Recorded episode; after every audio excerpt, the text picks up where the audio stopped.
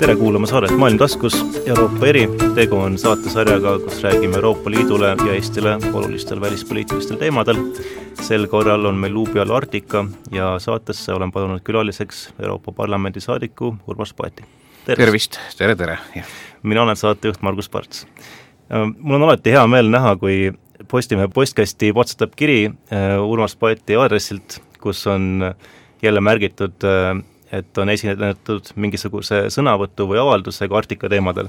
et võib vist öelda, Urmas, te olete kõige aktiivsem Euroopa saadik Eestist, kes tegeleb Arktika teemadega? no võimalik, et see nii on jah, et ega ma täpselt ei ole mõõtnud, aga kuna ma Euroopa Parlamendis selles koosseisus asutasin ka niinimetatud Arktika sõprusrühma, eh, kuhu ma siis kutsusin saadikuid, kes Arktika teemade vastu huvi tunneb, et siis jah, see on olnud üks teemadest, millega ma Euroopa Parlamendis olen tegelenud no sel puhul ongi hea küsida teie käest kohe sissejuhatuseks, et miks on Arktika üldse nii oluline, et miks peaks Euroopa Liidu tasandil rääkima Arktikast? noh, neid põhjusi on ju päris mitu ja kui natukene ajalukku vaadata, et siis juba aastaid tagasi, kui ma olin veel Eestis välisminister, et, et juba siis ma algatasin Eestis selle protsessi, et Eesti võiks taotleda siis vaatleja liikme staatust Arktika Nõukogus. et see oli siis juba praeguseks noh, kümmekond aastat tagasi et juba siis oli ju selge, et tegelikult Arktikas tulevad kiired muutused, noh Eesti seisukohalt vaadates Eesti on kõige lähim riik Arktikale, mis näiteks Arktika Nõukogus ei ole, ei vaatlejana ega muidugi ka mitte liikmena, aga samas sealsed kiired muutused noh, mõjutavad ju meid ka. ja noh, Euroopa Parlamendis töötades juba siis oli selge, et, et need muutused seal järjest kiirenevad, ennekõike noh, algselt seotud, eks ole, keskkonnamuutustega ja, ja temperatuuride tõusuga, mis siis on kaasa toonud väga kiire jää sulamise, mis siis omakorda on kaasa toonud uued ligipääsud näiteks suurtele maavara leiukohtadele, mis Arktikas on, ennekõike gaas, aga ka nafta, aga ka muu uued ühendusteed ja potentsiaalsed ühendusteed, ehk siis äh, hüppeliselt on kasvanud Arktika vastu selline rahvusvaheline huvi, mis tähendab seda, et oluliselt on kasvanud ka näiteks kõikvõimalikud riskid. et noh, muidugi on need looduslikud riskid ja temperatuuride kasvust tingitud riskid, aga ka riikide suurem huvi ja aktiivsus Arktikas on kaasa toonud suurema konkurentsi, on kaasa toonud ka selle, et noh, tükk aega juba enne Venemaa agressiooni Ukraina vastu ju näiteks Venemaa hüppeliselt suurendas oma äh, sõjaväelisi investeeringuid Arktika piirkonda ja suurendas oma kohalolu seal, äh, noh välja oli kujunemas uus ühendustee Vaikse ookeani ja Atlandi ookeani vahel pikki siis Põhja-Jäämerd, mis siis väga huvitab Venemaad, aga huvitab ka Hiinat näiteks. nii et Arktikast on jah, saanud viimastel aastatel võib öelda selline koht, kus äh, järjest rohkem ka sellised suured rahvusvahelised huvid põrkuvad. ma usun, et enamus inimesi ei tea täpselt, kuidas Euroopa Liidu tasandil see töö käib, et millistes gruppides ja kuidas need arutelud käivad ja mis on üldse Euroopa Liidu peamised eesmärgid Arktikas praegu? noh, kõigepealt äh, osa Arktikat on ju ka Euroopa Liidu territoorium, et on kolm Euroopa Liidu liikmesriiki ehk Soome, Rootsi ja Taani kellel on nii-öelda arktilised territooriumid. ja noh, lisaks veel Norra ja Island, kes on Euroopa Liidule väga lähedased riigid niikuinii, äh, kuuluvad näiteks Schengeni vaba liikumise ruumi ja ka nemad on Arktika Nõukogu liikmed näiteks ja arktilised riigid. nii et äh, üks on täiesti selles mõttes arusaadav ja loomulik, et kuna tegemist on osaliselt Euroopa Liidu enda territooriumiga, noh siis loomulikult Euroopa Liit peab vaatama, mis toimub kogu tema territooriumil, sealhulgas Arktikas ja, ja teine põhjus jah, tulenebki sellest suuremast globaalsest äh, siis konkurentsist ja muutustest, et kui Euroopa Liit soovib olla selline globaalne tegija, näiteks välis- ja julgeolekupoliitikas, noh siis ka omaenda külje all, siinsamas Arktikas ei saa ta ka lihtsalt passiivselt pealt vaadata neid arenguid. et Arktikas ju on tegevad tegelikult maailma kõige võimsamad riigid üldse, Ameerika Ühendriigid, äh, Venemaa, noh, Venemaa kaudu ka Hiina järjest rohkem noh, Kanada, eks ole, ja siis ka Euroopa, et kõik nad ja nende huvid saavad seal Arktikas kokku ja huvid puudutavad siis noh, ma juba nimetasin uusi näiteks transpordiühendusi, maavaradele ligipääsu, aga sellega seotult ka julgeolekuteemasid. nii et, et ka see on koht, kus siis Euroopa Liit peab olema senisest palju aktiivsem ja püüdma olla siis nii-öelda protsessidest natukene ees, mitte järele lohisema, et, et aastaid on Euroopa Liit Arktika osas olnud väga passiivne, on keskendutud või keskendutud peamiselt keskkonna ja ja, ja teadusuuringute küsimusele, mis noh, loomulikult on jätkuvalt aktuaalsed, aga nendele näiteks majanduse ja, ja julgeoleku teemadele Arktika piirkonnas on noh, üritatud nii-öelda mitte peale vaadata üldse, et see muutus on nüüd toimumas ka suhtumises ja noh, loodetavasti lõpp, juba lähemas tulevikus me näeme, et, et ka nii-öelda Arktika arenguid ja Arktika suunda ka Euroopa Liit ka oma välis- ja julgeolekupoliitikas ikkagi lõpuks vaatab adekvaatselt. aga mis on need konkreetsed sammud äh nüüd kui kuulaja, kuulajale välja tuua, et, et mida Euroopa Liit tahaks edendada Arktikas? No kõige põhilisem muidugi on see, et, et nende muutustega seoses suure tõenäosusega tuleb teha nähtavas tulevikus palju uusi rahvusvahelisi kokkuleppeid eh, või muuta olemasolevaid. mis tähendab seda, et Euroopa Liidule kõigi nende edasiste arengute alus peab olema ikkagi väga selgelt rahvusvahelisest õigusest kinnipidamine.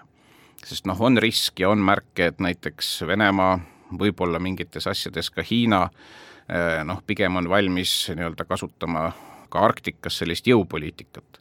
et ju aastaid tagasi me kõik oleme näinud seda sümboolset käiku, mida Venemaa tegi, kui tema tuukrid ujusid eh, nii-öelda põhjanabal merepõhja ja panid sinna Venemaa lipu. ehk siis edastades justkui sõnumi, et see on Venemaa oma. et eh, ütleme, selliseid territoriaalseid vaidlusi eriti kui on nii-öelda mille üle vaielda just nende samade näiteks maavarade aspektist, et, et kõik need tuleb lahendada rahvusvahelise õiguse seisukohalt või lähtudes sellest, nii et Euroopa Liidu üks oluline roll on see, et, et hoida kinni ja, ja nii-öelda järgida, et kõik toimuks rahvusvahelise õiguse järgi Eh, noh, edasised või konkreetsemad valdkonnad, näiteks seesama maavarade, sealhulgas gaasi küsimus. et siin viimastel aastatel on noh, järjest tugevam olnud ka Euroopa Liidus selline meeleolu, et eh, kuna Arktika looduskeskkond on väga habras, et noh, seal siis justkui tuleks üldse lõpetada noh, näiteks nafta ja gaasi eh, nii-öelda väljavõtmine, et kuna sellega seonduvad suured keskkonnaalased riskid. noh, nüüd see viimane aasta Venemaa uus agressioonilaine Ukrainas ja sellega kaasas olnud suur energiakriis äh, on natukene seda hoogu maha tõmmanud, sest noh, Norrast on saanud ikkagi väga tähtis ka energiaga varustaja, ehk Norra töötab selles mõttes maksimumvõimsusel täna olemasolevates gaasileiukohtades, et gaasiga siis Euroopa Liidu riike ka varustada, äh, nii et, et kogu see keskkonnaalase piirangu jutt, mis on seotud gaasi ja nafta leiukohtadega, noh, paneb, on pandud uude valgusse selles kontekstis, et, et hästi, kui Euroopa Liit näiteks otsustab seal midagi piirata, noh Norra, eks ole, kes on paljude lepingutega seotud, eh, peab seda siis järgima, aga noh, on selge, et näiteks Venemaa kindlasti, temal on täiesti ükskõik, mida Euroopa Liit selles osas otsustab, eh, ka, ka Arktika teemadel. Nii et üks on, kus ikkagi on vaja ka väga ruttu Euroopa Liidu sellist tasakaalus positsiooni, et ühelt poolt loomulikult keskkonnahuvid ja, ja kõik see pool, aga teiselt poolt Euroopa enda energiajulgeolek, äh, kuna Arktikas ju siiamaani on umbes kolmandik maailmas veel kasutusele võtmata gaasist näiteks, et tuleb nii-öelda leida seal väga selge see tasakaalupunkt ja, ja poliitika, nii et see on üks valdkondi, mis, kus Euroopa Liit peab saama äh, nii-öelda väga või palju täpsemaks, et see annaks ka kindlustunde noh, näiteks Norrale ja, ja sellega seotud investoritele, et mida nad siis üldse nähtavas tulevikus Arktikas näiteks uute gaasileiukohtade osas noh, saaksid või võiksid teha. Teine on seesama logistiline teema, et suur Venemaa ja ka Hiina unistus nii-öelda põhjaväilast ehk Vaikse ja Atlandi ookeani vahelisest ühendusteest, et mis on siin Euroopa positsioon, et enne nii-öelda uut Ukraina agressioonilainet ju siin ka Põhja-Norras, noh Norra näiteks ja eriti seal Põhja-Norra seltskond olid väga huvitatud Kirkenese sadama arendamisest, noh mis siis oleks võinud kujuneda selliseks Euroopa-poolseks suureks sadamaks. et noh, kui see oleks käiku läinud ja võib-olla tulevikus kunagi ka läheb, et noh, mis siis edasi saab, milline on see tagamaa, millised on näiteks sealt lähtuvad raudteeühendused mujale Euroopasse ja noh, ka Eestil võib siin olla otsene puutumus, eks ole, et kui kaarti vaadata, et siis kui seal Põhja-Soome ja Kirkenese vahel peaks kunagi tekkima raudteeühendus, noh siis iseenesest teoreetiliselt on ju võimalik, et osa sellest noh, tulevikus ilmselt juhtuvast kaubateest hakkab läbima ka Eestit, et see annab ka näiteks meie oma Rail Baltica äh, siis arengutele vähe teistsuguse mõtte ja dimensiooni, aga noh, on selge, et praegune sõda äh, ja Venemaa agressioon Ukrainas, noh kõik need plaanid muidugi on pannud seisma. aga noh, tuleviku perspektiivis kindlasti selle peale tuleb jätkuvalt mõelda. noh siis kolmas teema, väga konkreetne, kuidas neid samu Euroopa Liidu territooriumil olevaid Arktika alasid arendada, ehk siis Põhja-Soome, Põhja-Rootsi, et eh, milline on seal näiteks seesama ka taastuvenergia tootmise võimekus, kas Euroopa Liit saab seda toetada, sealt edasi ühenduste tegemine mujale Euroopasse, et, et ka seda kasutamata taastuvenergia potentsiaali nendel põhjaaladel on jätkuvalt väga palju samamoodi, et kui hakkab toimuma tihedam liiklus arktilistes vetes, milline on päästevõimekus näiteks. et kui seal hakkab liikuma rohkem kruiisilaevu ja noh, mida kõike, et siis vaadates, milline on praegu sealse kandi päästevõimekus, noh siis seal tuleb teha ikkagi väga suuri arenguid selleks, et noh, näiteks suured kruiisilaevad sealkandis üldse saaksid noh, suhteliselt turvaliselt liikuda ja nii edasi ja nii edasi, nii et neid asju, mis Äh, mis seal tahavad saada ka Euroopa Liidu selgeid otsuseid, on päris palju ja noh, kõige alus on loomulikult ju jätkuvalt kogu see keskkonnatemaatika. et, äh, et, et ega kogu need CO2 emissioonide piiramise plaanid ju palju on ka seotud nende samade muutustega Arktikas, kuhu siis ju siiamaani koguneb tegelikult Äh, väga palju kogu maailmas õhku paisatavast CO2-st, kuna noh, lihtsalt õhuvoolud liiguvad nii, nii et ka ütleme, selline temperatuuride kasv Arktikas täna on oluliselt kõrgem kui ütleme, maailmas keskmiselt. mis ajaskaalast me üldse räägime, kui me siin puudutame seda Kirdeväila laevatamise teemat, kas see on kolmkümmend aastat, viiskümmend aastat, millal see võiks teoreetiliselt juhtuda? no enne Vene agressiooni uut lainet Ukraina vastu olid need plaanid noh, näiteks sealsamas Norras, aga mujalgi veel, isegi veel ambitsioonikamad. et seal tehti ju plaane isegi, et noh, mis võiks juhtuda juba kümne aasta pärast näiteks. aga noh, selge, et kuna see teekond on seotud väga otseselt Venemaaga, kuna see, eks ole, ju jookseb tuhandeid kilomeetreid mööda Venemaa põhjarannikut, et siis kui need suhted on sassis, eks ole, läänemaailmaga täna, siis on selge, et noh, mingisugusest selle trassi arendamisest noh, vähemalt Euroopa ja läänemaailma poolt vaadates ei ole juttugi. nii et äh, seal on väga selge selline poliitiline mõju nendele plaanidele ja noh, seda on seetõttu ka täna väga raske öelda. millal kunagi jälle Venemaa ja läänemaailma suhted jõuavad sellesse staadiumi, et noh, nii tõsisest ja tegelikult ka ju äh, investeeringumahukast uuest võimalikust ühendust eest üldse on mõtet rääkida, et noh, täna see on selgelt nii-öelda pandud nagu Arktika kontekstis võib öelda jää peale, nii et ennustada, kas see juhtub kahekümne aasta pärast või neljakümne aasta pärast, noh täna on peaaegu et võimatu, sest me ei tea, eh, millises ajaraamis võiksid, eh, võiks nii-öelda Venemaa jälle normaalseks riigiks saada. No minu jaoks ongi üks pakilisemaid küsimusi olnud selle kogu teemaga seoses see, et kas praegu üldse toimub mingisugune läbikäimine Venemaaga sellel, äh, sellest teemast lähtuvalt? et kas on üldse võimalik mingisuguseid läbirääkimisi pidada või on kõik nagu seisma pandud? jaa, sellel teemal kindlasti neid läbirääkimisi ei ole. ja sest see on ikkagi ju noh, väga oluline ühendustee, mis eeldab investeeringuid väga paljudelt osapooltelt, mis tähendab, et ka suhted peaksid olema sellised, et sul on nagu vähemalt mingil määral võimalik teist poolt usaldada aga täna ju seda ei ole. nii et noh, kui me vaatame üldse, mis teemal täna venelastega noh, kas või Arktika riigid üldse millestki räägivad, noh siis võib öelda, et noh, sisuliselt ainuke teema seal Arktikas on eh, kalandus, ehk ikkagi veel, et, et nii-öelda neid kala, kalakvoote seal kuidagi säilitada, ja teine on siis seesama noh, teoreetiline päästealane koostöö ega muud ei ole, et kõik need äh, muud asjad ja suuremad kavad, need on kõik noh, täna väga selgelt külmutatud, nii et kogu see entusiasm, mis siin alles veel võib-olla paar aastat tagasi sealsamas Põhja-Norras näiteks selle Kirkenese sadama ehitusplaanidega oli, et noh, see on ikka asendunud suure masendusega tänaseks. Palju on kuulda seda, et Venemaa ise kaotab meeletut ressurssi sõjapidamisega Ukrainas, kui üldse adekvaatsed või suutelised nad on oma plaane läbi viima Arktikas, kas see sõjategevus on praegu täielikult pidurdanud nende enda kavatsusi ka? noh, nii ja naa, et äh, kui vaadata võib-olla sellist lühiajalist perspektiivi, siis noh, näiteks sõjaväe kohalolekut jah, Arktika piirkonnas on vähendatud, sest äh, mehi on lihtsalt veetud Ukraina rindele, aga samas suuri asju ei ole puututud, et noh, jätkuvalt on arktilistes vetes Venemaal väga suur näiteks tuumaallveelaevastik ja see sõjaline kohalolek sealses piirkonnas, hoolimata, et jah, on viidud, eks ole, üksusi Ukrainasse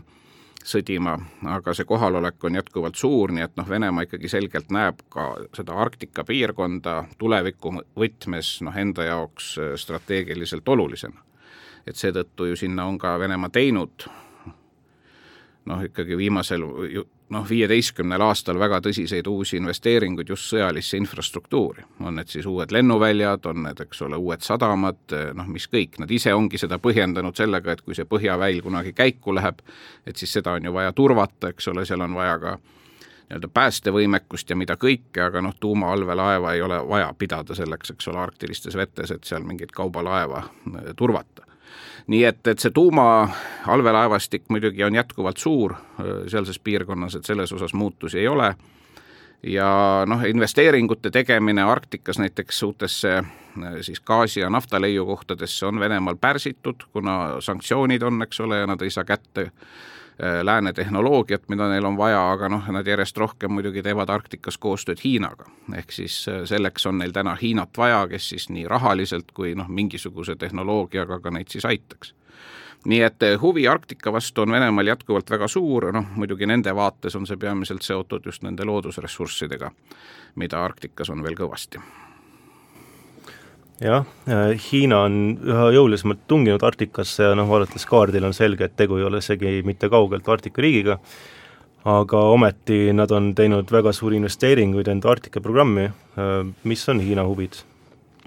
no mina jah, ei kahtlusta Hiinat sellest, et, et Hiinat tohutult huvitaks Arktika kuidagi keskkonna säästmine või teadusprogrammid. Et Hiina huvi ikkagi on ennekõike majanduslik ja eks ta ongi seotud jälle nendesama kahe suure asjaga, on see uus võimalik ühendustee, mis lühendaks näiteks Hiina kaupade liikumist Euroopasse seda teekonda umbes kolmandiku võrra, kui see Põhja-Jäämere tee peaks käiku kunagi minema. ja teiseks ikka needsamad maavarad ka, et, et, et seetõttu on Hiina olnud väga avatud Venemaaga koostööks Arktikas, sest noh jah, tõepoolest Hiina ei ole Arktika riik, kuigi oma suurtes äh, strateegilistes programmides on ta nüüd juba mõni aasta nimetanud ennast Arktika lähedaseks riigiks, ehk siis tegelikult ka toonitades, et see huvi äh, selle piirkonna vastu on tal väga suur, nii et muidugi Hiina huvi, huvi ennekõike on majanduslik, aga noh, vaadates tänast maailma, siis muidugi järjest rohkem on seal ka julgeolekuhuvi et eh, noh, kõik on kõigega seotud, et kui, eks ole, Hiina suhted Ameerika Ühendriikidega on siin järjest pingelisemad, muuhulgas ka otseselt julgeolekuteemadel, ennekõike mis puudutab Taiwan'i, eh, aga noh, Arktika on see koht, kus nad kõik kokku saavad, eks ole, et Ameerika Ühendriigid, Venemaa ja nagu ma ennem loetlesin, suured maailma tegijad, nii et, et Hiina puhul kindlasti järjest olulisem aspekt, miks nad Arktika vastu huvi tunnevad, on ka puhtalt julgeolekuline jah, paari kuu eest õnnestus mul rääkida ühe Belgia Arktika uurijaga ja tema tõi välja, et noh, vaadates kogu seda suurte jõudude kontsentratsiooni Arktikas ja maavarasid ja kõiki neid lahendamata küsimusi, et väga tõenäoline tegelikult mõnekümne aasta pärast mingisugune suurem konflikt Arktika piirkonnas, et kuidas te ise seda näete? Noh, neid kohti ju, kus maailmas konfliktid on juba täna või nad võiksid potentsiaalselt tekkida, noh kahjuks neid on kümneid. ja noh, öelda, et Arktikas kunagi mitte midagi ei saa juhtuda, noh oleks äh, väga naiivne, olgugi et kas või seesama Euroopa Liit ja muideks ka Euroopa Põhjala riigid on ju aastakümneid ajanud seda mantrat, et eks ole, Arktika on nii-öelda rahulik piirkond, siin põhimõtteliselt ei saa kunagi midagi juhtuda, ja see on ka üks põhjus, miks Euroopa Liidu Arktika teemalistes dokumentides ju siiamaani ongi see julgeoleku osa puudunud sest no lähtekoht on see, et ärme isegi nagu nimeta, eks ole, seda sõna, et on mingi julgeolek või julgeoleku, seda enam julgeolekuprobleemid. noh, jah, Venemaa käitumine viimastel aastatel ja ennekõike nüüd see Ukraina vastane agressioon on pannud eh, ka sealkandi riike oluliselt oma aastakümneid kehtinud hoiakuid üle vaatama. ja noh, kui kujutada ette, et, et Arktika oleks siis kuidagi maailmas nüüd see niivõrd ainulaadne ja püha koht, kus mingisugust konflikti tekkida ei saa, noh, ma arvan, täna keegi enam nii ei arva, kes vägagi, vähegi tõsiselt neid asju vaatavad, et iseenesest seda potentsiaali tülli minna noh, on seal ju palju, needsamad maavarad, needsamad ühendusteed, ka ütleme, sellised julgeolekulised positsioonid, lisaks sümbolism, eks ole, kellele mida kuulub seal. nii et see on ka see põhjus, miks ma nimetasin, et Euroopa Liidu jaoks on äärmiselt oluline ikkagi hoida kinni ja väga valvsalt jälgida seda rahvusvahelist õigust selles piirkonnas me tegelikult ei räägi tavaliselt väga palju Ameerika Ühendriikidest ja Kanadast, kui me puudutame Arktika teemasid, aga noh, ometi on selge, et mõlemal suurriigil on ju äärmiselt suured huvid endalgi Arktikas, et äh, mida Ühendriigid ja Kanada praegu teevad seal piirkonnas? Nemad on ka jah, olnud ütleme siin varasematel aastatel suhteliselt tagasihoidlikud, aga viimased aastad on ka nende poliitikas selgelt toonud muutuse, nii Kanada kui Ameerika Ühendriigid on muutunud järjest aktiivsemaks, kuigi kui vaadata looduslikke tingimusi, siis see jää sulamine, mis on ju seal püsinud põhimõtteliselt tuhandeid aastaid, on olnud ennekõike Euroopa pool ja, ja Venemaa pool, et Kanada ja Ameerika pool vähem, ehk neil neid looduslikke muutusi nüüd nii ulatuslikult ei ole, ehk sellise vaba vee teket. aga ka nemad on ikkagi suurendanud oma arktilist laevastikku näiteks, ka arktilist sõjaväelist kohalolekut, sest noh, nad ju näevad samamoodi, et kõik need muutused sisaldavad endas ka riske, nii et jah, lühidalt öeldes on nende mõlema riigi, kellel ju ka on suured arktilised territooriumid, huvi selle piirkonna vastu ja ka praktiline tegevus viimastel aastatel väga oluliselt kasvanud. no teoreetiliselt on ju ka täiesti arvestatav oht see, et kui hakkab toimuma laevat, laevatamistegevus Kirdeväljast, siis tegelikult see puudutab ju ka Alaska rannikut no see puudutab jah, kogu Arktikat, nii et seetõttu ega nii Kanada kui Ameerika Ühendriigid ju näevadki, et need muutused, mis võib-olla esmapilgul jah, toimuvad Euroopa või Venemaa pool, et need tegelikult jõuavad loomulikult teisele poole ka. et noh, siin heideti ju palju nalja mõned aastad tagasi, kui Ameerikas oli veel president Trump tema suure ideega osta Gröönimaa ära et eh, noh, muidugi kahekümne esimesel sajandil selliste ettepanekute tegemine ongi kentsakas, aga noh, eks see väljendas ka seda sama tendentsi, et Ameerika Ühendriikide vaade täna Põhjalas ja Arktikas toimuvale on hoopis teine, et see huvi on väga aktiivne ja noh, seesama näide sellest, kuidas ollakse noh, nii-öelda valmis isegi territooriume teiselt riigilt eh, omandama selle jaoks, eh, noh, kirjeldab ka seda väga värvikalt, et sealsamas Gröönimaal näiteks on juba hulk aastaid päris suur Ameerika Ühendriikide konsulaat, samas kui Euroopa Liidu esindust kuni viimase ajani seal ei ole, ehm, nii et loodetavasti see nüüd ka ikkagi lõpuks sinna tekib, aga, aga noh, see on ka näidanud, et Ühendriigid vaat-, on vaadanud ikkagi kogu seda arktilist ala ka laiemalt kui isegi ainult nende oma territooriumi, et noh, sellesama Gröönimaa vastu on neil huvi olnud ju ka pikka aega, noh, seal on ka muidugi suured ja olulised eh, lennuväe ja sõjaväebaasid, eks ole, eh, aga noh, ka kõik need muud muutused on teinud Gröönimaast ka järjest olulisema strateegilise paiga. Te ise ka mainisite juba, et eh, Hiina ja Venemaa on teinud agaralt koostööd Arktikas, et kas Euroopa ja Põhja-Ameerika näiteks on samamoodi enda jõud ühendanud? no suures pildis ma ütleksin, ei ole veel et noh, jah, muidugi ütleme, kaitse- ja julgeolekualane koostöö käib paljuski NATO raames, kuna eks ole, kõik on NATO liikmed, noh, välja arvatud praegu veel Soome ja Rootsi, aga ütleme, Euroopa ülejäänud Põhjala riigid on NATO-s ja noh, Ühendriigid ja Kanada ka, nii et ütleme, see julgeoleku ja kaitse planeerimine ja ka ühisõppused, noh, need käivad NATO raames. mis puudutab muid arenguid, siis need on seal täna arktiline koostöö noh, on vaikselt-vaikselt tekkimas, aga ta ikkagi on väga tagasihoidlik selline oli seekordne saade, meil oli külas Urmas Paet, suur tänu! aitäh ja kena päeva jätku! tänan kuulamast, kõike head!